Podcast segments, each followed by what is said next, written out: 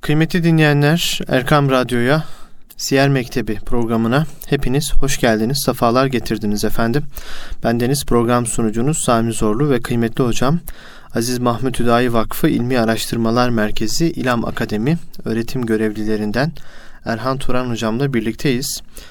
Siyer Mektebi programında Peygamber Efendimiz sallallahu aleyhi ve sellemin hayatından bahsediyor. Onun hayatındaki güzellikleri bize üsve-i hasene olacak olan hayatını hem anlamaya hem de bir nebze de olsa anlatmaya gayret ediyor.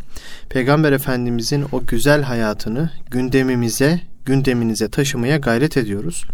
Bu vesileyle bizleri dinleyen siz kıymetli dinleyicilerimizi en kalbi duygularla selamlıyoruz efendim. Bir kez daha Erkam Radyo'ya Siyer Mektebi programına hoş geldiniz, safalar getirdiniz. Hocam sizler de hoş geldiniz, safalar getirdiniz. Çok teşekkür ediyorum. Allah razı olsun. Sağ olun. Sizler de sağ olun. Sizlerden de hocam. Geçtiğimiz programlarda Uhud'u konuşmaya başlamıştık. Meydanında neler yaşandı?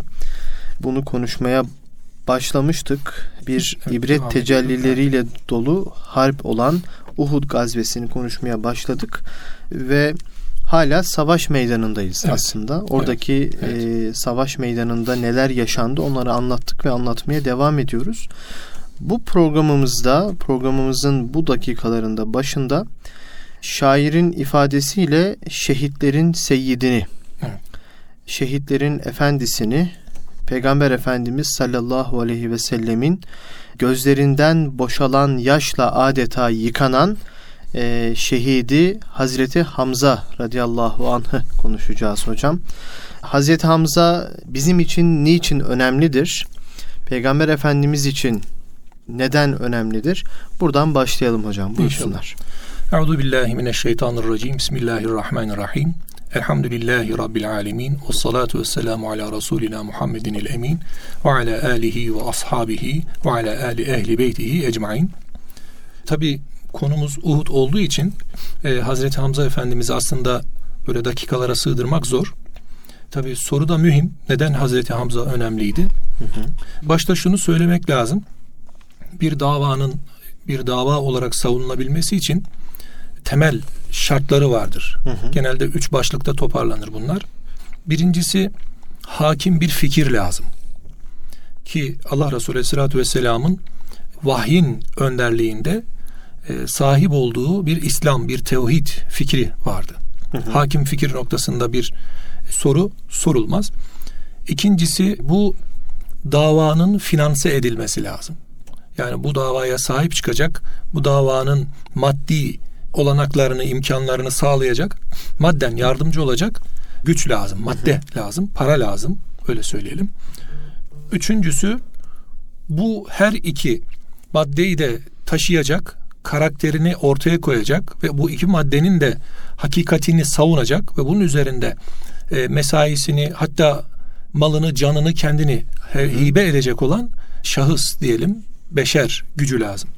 Hazreti Peygamber aleyhissalatü vesselam Mekke döneminde biliyorsunuz bunu Müslüman olmasında konuşmuştuk. Mekke döneminde Hazreti Peygamber aleyhissalatü vesselamın o Kabe'nin avlusunda hırpalandığı Ebu Cehil tarafından hırpalandığı zaman da Hazreti Hamza çıka gelmişti. Onun Müslüman olması bir karakter tevzi ediyordu.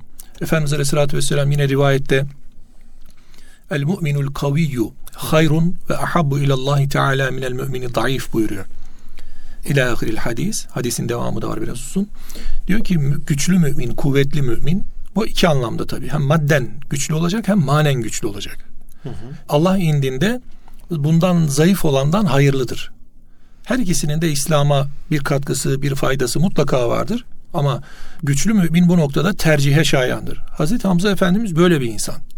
Hem bileği çok kuvvetli, yüreği çok kuvvetli, bu anlamda takvası çok kuvvetli. Allah Resulü Aleyhisselatü Vesselam'a ömrünü gözünü kırpmadan vakfedebilecek bir inanca, imana, muhabbete sahip. Tabi bu bir de peygamberimizin süt kardeşliğini yan yana koyunca hı hı. böyle ayrı bir değer kazanıyor. Ayrı bir muhabbet kazanıyor. Tabi Hazreti Hamza Efendimiz her ne kadar Müslüman olmadan önce şirke dönük bir hayat yaşıyormuş gibi olsa da erdemli bir hayat yaşıyor. Yani o e, karakterli bir hayat yaşıyor. Bazı fuhşiyatı mesela Müslüman olduğunda çöldeki tefekküründen bahseder. Yani o tefekkürü yaşayan bir insan aslında. İslam olduğu zaman da Hazreti Peygamber çok mutlu olmuştu. Hatta onun evet. alacağı intikam değil, İslam olması beni sevindirecek diye Hazreti Peygamber'in kendisine söylediği amcacım senin hı hı. İslam olman Ebu Cehil'den intikam almandan daha önemlidir dediğinde Müslüman olmuştu Hazreti Hamza Efendimiz. Hocam aslında siz burada Hazreti Hamza Efendimiz'i anlatırken şunu anlatmış oldunuz değil mi? E, bir davada evet.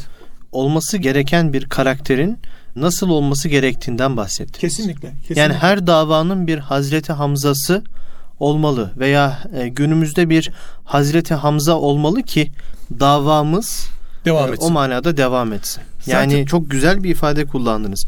Bir bileği güçlü, yüreği, yüreği güçlü, güçlü ve takvası güçlü Güç. bir kişilik, bir şahsiyet. Kesinlikle. Bu tabi Hazreti Hamza üzerinden tabi sahabenin böyle medarı iftiyarları, göz bebekleri var.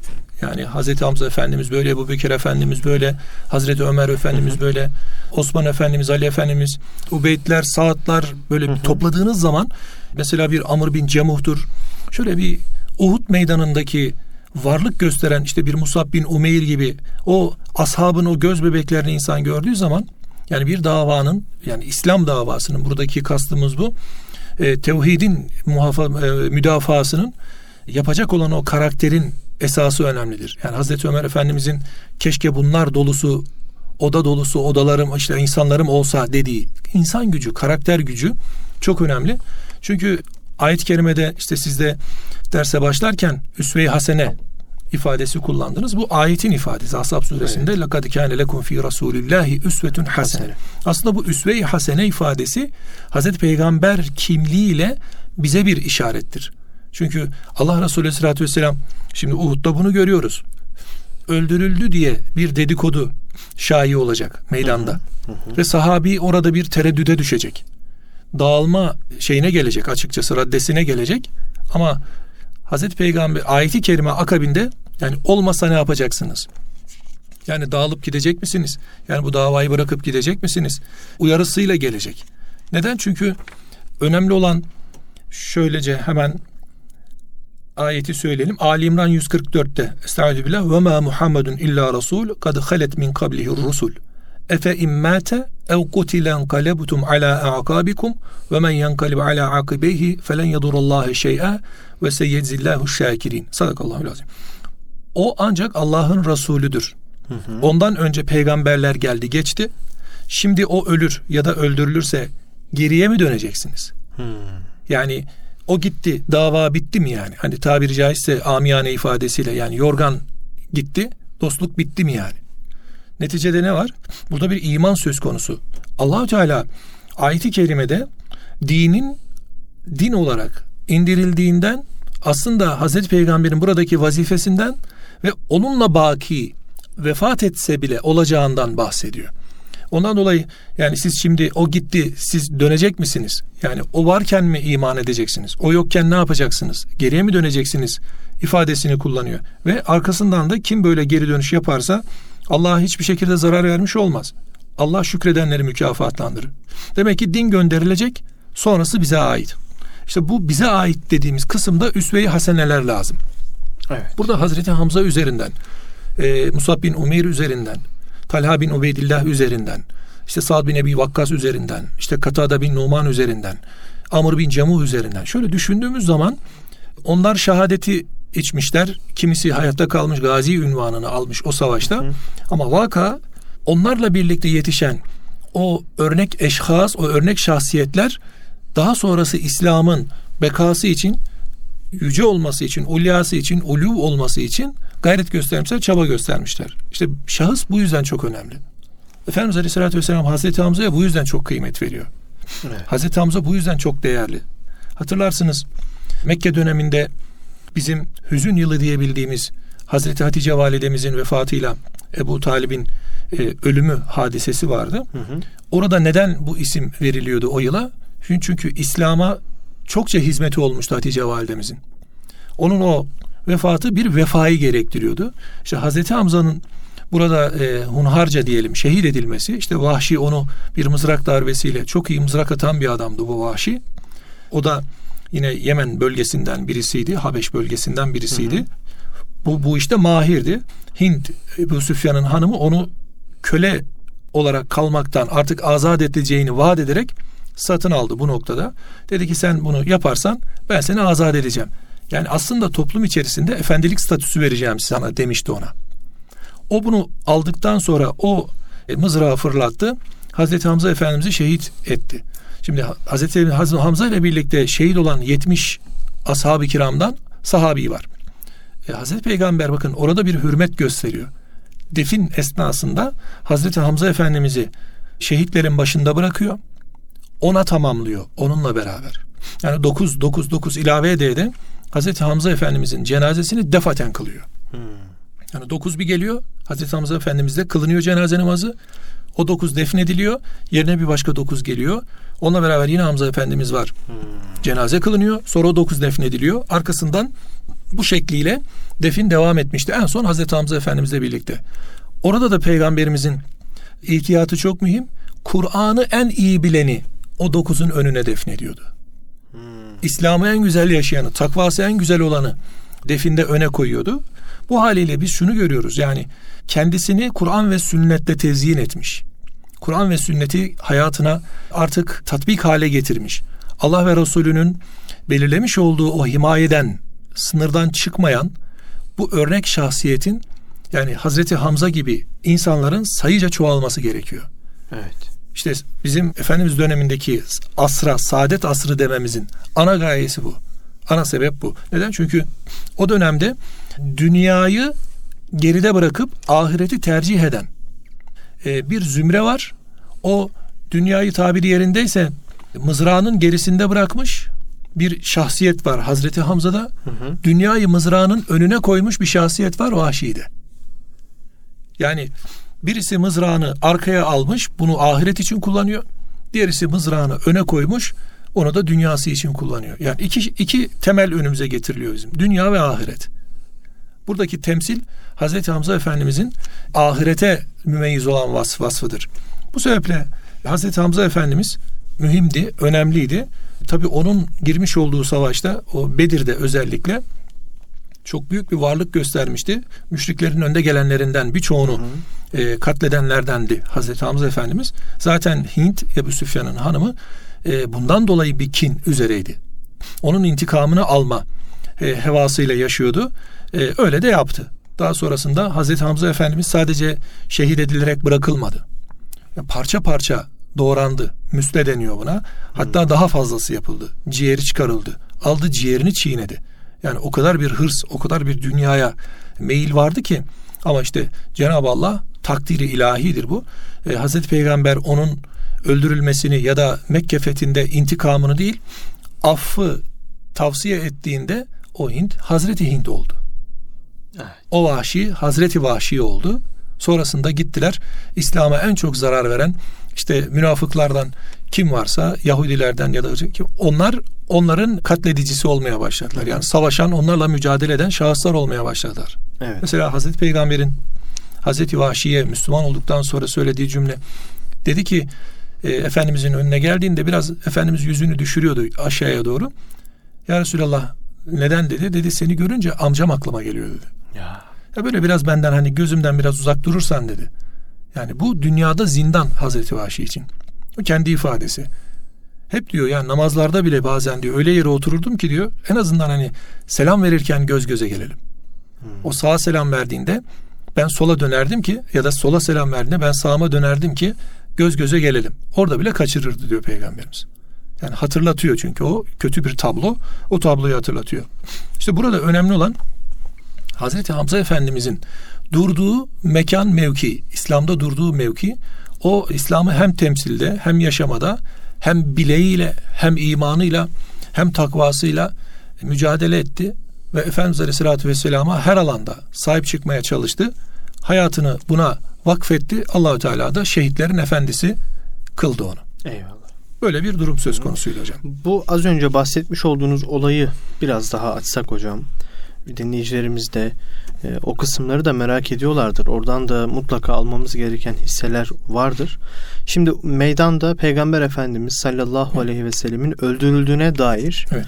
bir söylenti yayıldı. Bir dedikodu, evet. Bir dedikodu yayıldı ve herkes Peygamber Efendimiz'i gözleriyle arar oldu. Evet. Adeta böyle bir savaşın e, konsantrasyonu dağılmış oldu. Tabii psikolojik savaşın bir, bir evet. psikolojik yönden bir yenilgiye uğradı belki Hı-hı. sahabe efendilerimiz. O anda tam neler yaşandı? Gerçi siz e, sahabe efendilerimizin takındığı tavrı anlattınız. Evet. Yani bu dava Peygamber Efendimiz öldükten sonra bitecek miydi ki onlar savaştan Kesinlikle. geri dursunlar ki durmadılar. Ama o anda neler yaşandı? Zaten Hazreti Hamza Efendimizin nasıl şehit edildiğini evet. anlatmış evet. olduk. Şehit edildikten sonra neler yaşandığını anlattınız. O bölümü tekrar bir hatırlatmış olalım tabii, inşallah. ve konumuza devam edelim. Şimdi hocam Hazreti Hamza Efendimizin şehadetinin akabinde tabi müşrikler hücumlarını Efendimiz Aleyhisselatü Vesselam'a yönlendirdiler. Hı hı. Efendimizin etrafında sahabe etten duvar olmuştu. Savaş çok güzel gidiyor. Kazanılacak hı üzere gidiyor. Ta ki o Ayneyn Tepesi'nin terki ve sonrasında işlerin karışması hadisesiydi. Efendimiz'e saldırılar başladı. Efendimizin yanında Talha bin Ubeydillah vardı. İşte Sa'd bin Ebi Vakkas vardı. Hı hı. Ümmü Umare vardı. Ondan sonra sahabi hanımlardan Sümeyra Hatun gibileri vardı. Hı hı. Onlar yani daha Sümeyra Hatun sonrasında katıldı gerçi. Ümmü Umare radıyallahu anha vardı. Şimdi böyle baktığımız zaman onlar bedenlerine Efendimiz'e bir kalkan yaptılar. Hı hı. Ellerinden geldiği kadar ona zarar gelmesin istediler. Müşriklerden böyle iyi ok atanlar ok attıkları zaman mesela Talha bin Ubeydillah elini uzattı. Ok elini deldi geçti. Eli mesela çolak kaldı. Bir elini kaybetti hı hı. Talha. Mesela orada Katade vardı. Ee, Katade Hazreti Peygamber'e yine böyle bir ok geldiğini hissettiği zaman kafasını kaldırdı. Gözüne girdi ok. Göz aktı. Hı hı. Resulullah Aleyhisselatü Vesselam bundan çok müessir oldu. Üzüldü. Sonrasında bir icaz tabi mucize var orada. Eliyle Efendimiz e, gözünü yerine yerleştirip sıvazladı. Gözü eskisinden daha güzel görür oldu Katade'nin ifadesiyle. Dağıldı sahabi. Her yerden saldırmalar başladı. Hı hı. Ümmü Umare bir hanımefendi Efendimiz buyuruyor ki nere ne yanıma baksaydım onu görüyordum diyor. Yani pervane olmuş Efendimizin etrafında. Hmm. Ta ki Sa'd bin Ebi Vakkas'ın kardeşi Utbe Efendimiz Aleyhisselatü Vesselam'a bir taş fırlatana kadar büyükçe bir taş fırlattı o savunmanın arkasına. Ardından da e, Efendimizin miğferine geldi. Kafasına geldi. Hı hı. E, miğferin o demir tarakları Efendimizin mübarek yanağını deldi ve dişini kırdı içeriden. Hı. O iki demir battı kaldı orada. Hatta Hazreti Saad Allah Resulüne ya Resulallah müsaade et öldüreyim bu Utbe'yi diye çokça manevra yaptı ama Efendimiz müsaade etmedi. Yani kardeşi kardeşe katlettirmek değil, onun da iman üzere hmm. ölmesini istiyor. Gerçi iman da etmedi, o da ayrı bir mesele ya. Sonrasında tabii e, onun çocukları var, oğulları var, Haşim var, Nafi hmm. var Utbe'nin. Onlar Mekke'nin fethinden sonra Müslüman oldular. Yalnız burada Ebu Ubeyde bin El Cerrah Hazreti Peygamber Aleyhisselatü Vesselam'ın e, dişleri, yani o batan demir halkaları dişleriyle söktü. Birinci halkayı çıkardı. Çıkardı ama bir dişini kırdı. İkinci halkayı çıkardı. O halkaya çıkardı ama öbür dişini kırdı. Ön iki dişi kırık oldu Ebu Übeyde el Cerrah'ın. Bu haliyle Hazreti Peygamber aleyhissalatü vesselam e, çokça müessir oldu. Çokça üzüldü. Hatta bir çukura düştü o arbede de Hazreti Ali Efendimiz e, destek verdi ve çukurdan çıkarıldı Peygamber Efendimiz Aleyhisselatü Vesselam. İşte bu hengamede Musab bin Umeyr şehit edildi. Hmm. Musab bin Umeyr de fizik olarak güzellik olarak Allah Resulü'nü çokça andırırdı. Öyle bir güzelliği vardı Hazreti Musab'ın. Onun şehadetiyle birlikte Efendimiz Aleyhisselatü Vesselam mesela onun şehit olduğunu savaş meydanında kılıç kılıça mücadele ederken Musab kendine yaklaşınca hani biraz ileri ya Musab ileri ya Musab dediğinde şöyle diyor bana bir tebessüm etti diyor. Baktı Hazreti Musab'ın silüetinde bir melek hmm. savaşıyordu. Efendimiz görünce Hazreti Musab'ın şehadetini anladı o şehitliğini duyduktan sonra e, bu dedikodu Muhammed öldürülmüştür dedikodusu yayıldı. Hmm. Tabii bu dedikodu basit bir dedikodu olmadı. Yani sahabenin bir kısmı kılıcı indirdi. Yani o yoksa biz neyin mücadelesini yapacağız dedi. Hmm. Bazısı o olmasa da biz bu davanın arkasındayız. O öldüyse biz de öleceğiz. O şehit olduysa biz de şehit olacağız diye mücadeleye girdi. E, sahabi tabir yerindeyse ikiye ayrı, ayrıldı burada. Hmm. Ayet-i kerimedeki e, ifadeyle Ahzab suresinde Estağfirullah minel müminin ricalun sadaku ma ahadullah aleyh. Feminhum men kada nahbehu ve minhum men yentazır. Ve ma beddelu tebdila. Yani müminler içerisinde öyle yiğitler var ki birincisi şu Allah'ın Allah'a vermiş oldukları sada, söze sadakatle bağlı kaldılar. Bunlar Hazreti Peygamber'e şehit olduğunu bilseler bile davasını bırakmayıp meydanda savaşan zümre. Hı hı. Bir de onlardan kimi ahdini yerine getirdi, kimi de beklemeye geçti. Evet. Yani meydanı terk etmedi ama dura kaldı. Meydandan ayrılmak üzere olanlar vardı. Ee, ancak Allahü Teala tabi e, onların sözlerini değiştirmediğini söyleyip onların affını bize yine ayeti kerimede bildiriyor. Yani neticede böyle de olsa e, ben sizi affettim diye o genel affı ilan ediyor ayet-i kerimede. Tabi burada biz şunu görmekle mükellefiz. Efendimiz Aleyhisselatü Vesselam orada tabii ki şehit değildi ama bu bir savaş hilesi. Mesela Hazreti Ömer Efendimiz Hazreti Peygamber'in şehadetini duyduktan sonra hemen onun bulunduğu yere yönelip orada bir kordon oluşturuyor. Sahabiyle beraber. Hatta rivayetlerde 14 kişi kaldıkları söyleniyor. Efendimizin yanında. Yani 700 ashabın 14'ü orada kaldı deniliyor. Bu 14 kişi içerisinde Hazreti Ömer de var. Ebu Süfyan saf arkasından diyor ki aranızda Ömer var mı diye soruyor. Hazreti Ömer buradayım diye sesleniyor. Diyor ki yanımdakilerden daha çok sana itibar ederim. İşte şahsiyet ve karakter. Yanımdakilerden daha çok sana itibar ederim diyor. Bana diyor Allah için söyle diyor. Muhammed öldü mü yoksa ölmedi mi? Ölmedi mi? Hazreti Ömer Efendimiz ona o sağdır, ona hiçbir şey olmadı, o yanımızdadır, hiçbir problem yoktur. Siz mahvolacaksınız deyip karşılık verince tereddüt etmeye başlıyorlar. Ondan sonra Hazreti Peygamber'in etrafında Efendimiz hemen çıkıp bana gelin diye seslenmeye başlıyor sahabiye. Hı hı. Sahabi Efendimizin hayatta olduğunu öğrenince hemen geri dönüyor, toparlanıyor, bir kuvvet oluşturuyorlar. Sonrasında zaten e, biz bu savaşı kazandık deyip geri dönmeye başlayan müşrik ordusu e, bu kuvveti de görünce bu sefer Mekke'ye doğru yön almaya başlıyor. Evet. Tabii burası mühim. Evet, tam da burada artık o e, bu savaşı belki e, kaybettirecek evet. olay yaşanıyor değil mi hocam? Evet. Düşman artık geriye çekilmeye başladıktan sonra Okçular Tepesi'ndeki... Bu öncesiydi hocam. Öncesiydi. Bu sonra hı. savaş karıştı. Hı hı. Yani e, savaşın bizde şöyle bir fasılaya ayırabiliriz. Yani birinci devre ve ikinci devre. Hı. Birinci devre Okçular Tepesi'nden Ayneyn Tepesi'nden terk edilene kadar olan kısım. Tamam. Buraya kadar hiçbir problem yok. Yani sahabi savaşı kazanıyor. Müşrik orduları arkalarına dönmeden kaçar oluyorlar. Bunu görünce Aynen Tepesi'ndeki e, 50 kişinin o 43'ü meydana şey tepeyi terk ediyor. Hı hı. Meydana inince hocam Halid bin Velid arkada manevra yapıyor. Sonra ortalık karışıyor. Bu da ikinci devre. Bu ikinci devrede oluyor bunların hepsi. Hı. Efendimiz Aleyhisselatü Vesselam'ın orada işte e, sahabinin şehadeti, orada e, bir takım kayıplar vesaireler başlanıyor. Yani ufacık bir gaflet oradaki ufacık bir beklenti, dünya beklentisi e, evet. kazanılacak olan, kazanılmak üzere olan bir harbi hı hı. mağlubiyete çeviriyor açıkçası. Eyvallah. Ee, az önce Hazreti Hamza Efendimizin defne esnasında yaşanan usulü anlattınız. Evet, evet. Yani oradan da yola çıkarak hocam Uhud şehitlerine de biraz değinsek e, ondan sonra da vaktimizin artık yavaş yavaş sonuna geliyoruz. Tabi ee, hocam burada Saad bin Rebi ile başlamak lazım aslında. Evet. Saad bin Rebi Efendimiz Aleyhisselatü Vesselam'a gönlünü vermiş, canını malını vakfetmiş bir insan. Hı hı. Hibe etmiş bir insan. E, vefatının son anında Efendimiz Aleyhisselatü Vesselam merak ediyor. Sad'ı bir bulun diyor ne alemde diye. E, sahabiden birisi artık meydana sesleniyor. Ya Sa'd neredesin? Ses yok tabi. Çünkü ölüm haline girmiş artık. O şehadete yaklaşıyor. Allah Resulü soruyor deyince gücünü topluyor. Sadece ölüler arasındayım diye biliyor. Yani minel maktulin yani. Ölüler arasındayım. Tabi bu sese geliyor sahabi bakıyor ki o e, anda artık tamamen paramparça olmuş. Vücut iyice hırpalanmış, kılıçtan geçirilmiş. Ee, orada aslında bize böyle ne diyelim hayatımıza yön verecek ve bizim mesuliyetimizi ortaya koyacak o büyük sözü söylüyor.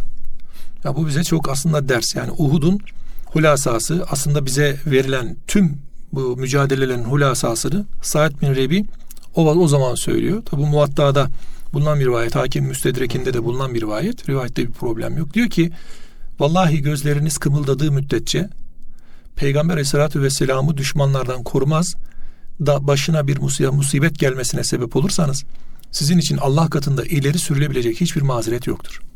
Ya. Hocam kapıları kapatıyor. Yani mazeret yoktur. Yani gözün kıpırdıyorsa da ona sahip çıkacaksın. Şimdi günümüzde tabii biz şuna şahit oluyoruz. İşte Efendimiz Aleyhisselatü Vesselam hayatta değil. Bugünkü dünya hayatımızda yok. Peki ne olacak sonrası? İşte burada Efendimiz Aleyhisselatü Vesselam'ın sünnet-i seniyesi. Bugün Kur'an'la birlikte buradaki sünnetin karşılığı ahkamdır. Buradaki sünnetin karşılığı ahkamdır. Aslında bunu özel bir derste konuşmak lazım. Sünnet mefhumu nereye oturuyor? Evet. Bugün e, biz biraz indirgemeci davranıyoruz. Yani sünneti sünnet deyince sadece namazların arkasından kılınan farzlarınla birlikte kılınan sünnetler ya da yüzümüzdeki sakal, başımızdaki sarık, takke, cübbe gibi sadece buralara onlar da sünnettir. Ama sünnetin temelde dört e, unsuru vardır. Bunlardan ikisi vahiy ile alakalıdır, ikisi vahiy ile alakalı değildir. Nedir hocam onlar? Yani bunlar hocam bu uzun bir mesele. İsterseniz kısaca söyleyeyim geçelim. Şimdi bizim ilk dönem klasik eserlerimiz dediğimiz yani Bukhari ve Müslim, Ebu Davud, Tirmizi gibi eserlere baktığımızda mesela Ebu Davud mesela e, tabi Tirmizi'yi geçelim onun adına cami diyor kitabın ama usulü öyledir. Hı hı. Sünen türü kitaplarımız vardır bizim hadis ilimlerinde. Bu sünen kitaplarında ahkam yani hüküm beyan eden rivayetler vardır. Burada da peygamber sözleri esastır. Bunlar daha çok e, din adına Kur'an emreder ama Kur'an'da o emrin karşılığında ya bu nasıl olacak diye sorduklarımızın cevaplarıdır. Evet. Mesela bir namaz örneği verelim. Burada e, bitirelim onu. O çok önemli çünkü çok geniş bir mesele o. Kur'an'da namaz. Ama Kur'an'da namaz karşılığı kıyamendir, kuudendir, sucudendir ya da sallidir, salattır. Bu bahislerle geçer. Yalnız dört rekat geçmez. iki rekat geçmez. Üç rekat geçmez. Yani beş vakit biz beş vakiti peygamberimizden aldıktan sonra şey yaparız. Kur'an-ı Kerim'den beş vakit çıkarız. Kur'an-ı Kerim'e baktığınızda vakitler şunlar şudur, şunlar şudur vardır ama tayinini biz ondan sonra yaparız. Oruç da böyledir. Zekat da böyledir. Peygamberle birlikte. O yüzden buradaki o peygamberin aleyhissalatü vesselam o rivayetle hayatındaki uygulamasıyla namazla ilgili mesela bir öğlen namazının ya da cumadan örnek verelim. Cuma namazının iki rekat farzının olması peygamberin aleyhissalatü vesselamın hükmü ve binasıdır.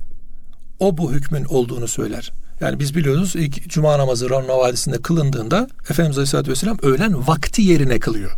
Evet. Ama öğlen namazı nerede? Öğlen namazı cuma namazının kendisi. Ama dört rekat kılmıyor. Öğlen dört rekat.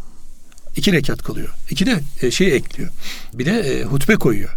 Öğlen namazında hutbe yok. Ha demek ki bunun binası peygamberle aleyhissalatü vesselam. İşte bunlara sünnet deniyor. Bu ahkamın karşılığıdır. Bu Kur'an'da peygamberin kendisine hasaten bildirilenleri vardır. Bunlar açıktır. Namaz kıl, oruç tut gibi. Bir de bunların binasını peygamberimizin yaptıkları vardır. İşte oradaki e, oradaki de Estağfirullah İza kadallahu ve rasuluhu emran en yekune lehumul khiyara min emrihim ayetleri bize veriyor. Yani Allah ve Resulü bir konuda hüküm koyduğu zaman sizin tercih hakkınız yok. Bunun zıttı ve men yasillahi ve rasulehu fakat dalle dalalen mubine. Allah ve Resulüne isyan etmek, asi gelmektir bunun zıttı. Bu Kur'an'da vardır. Bazen Kur'an'da vardır ama e, bu da diğer hususu bunun. Kur'an'da vardır ama peygamberle birlikte peygamberin şahsındadır. Bizi tercihe bırakır. Teheccüd gibi mesela.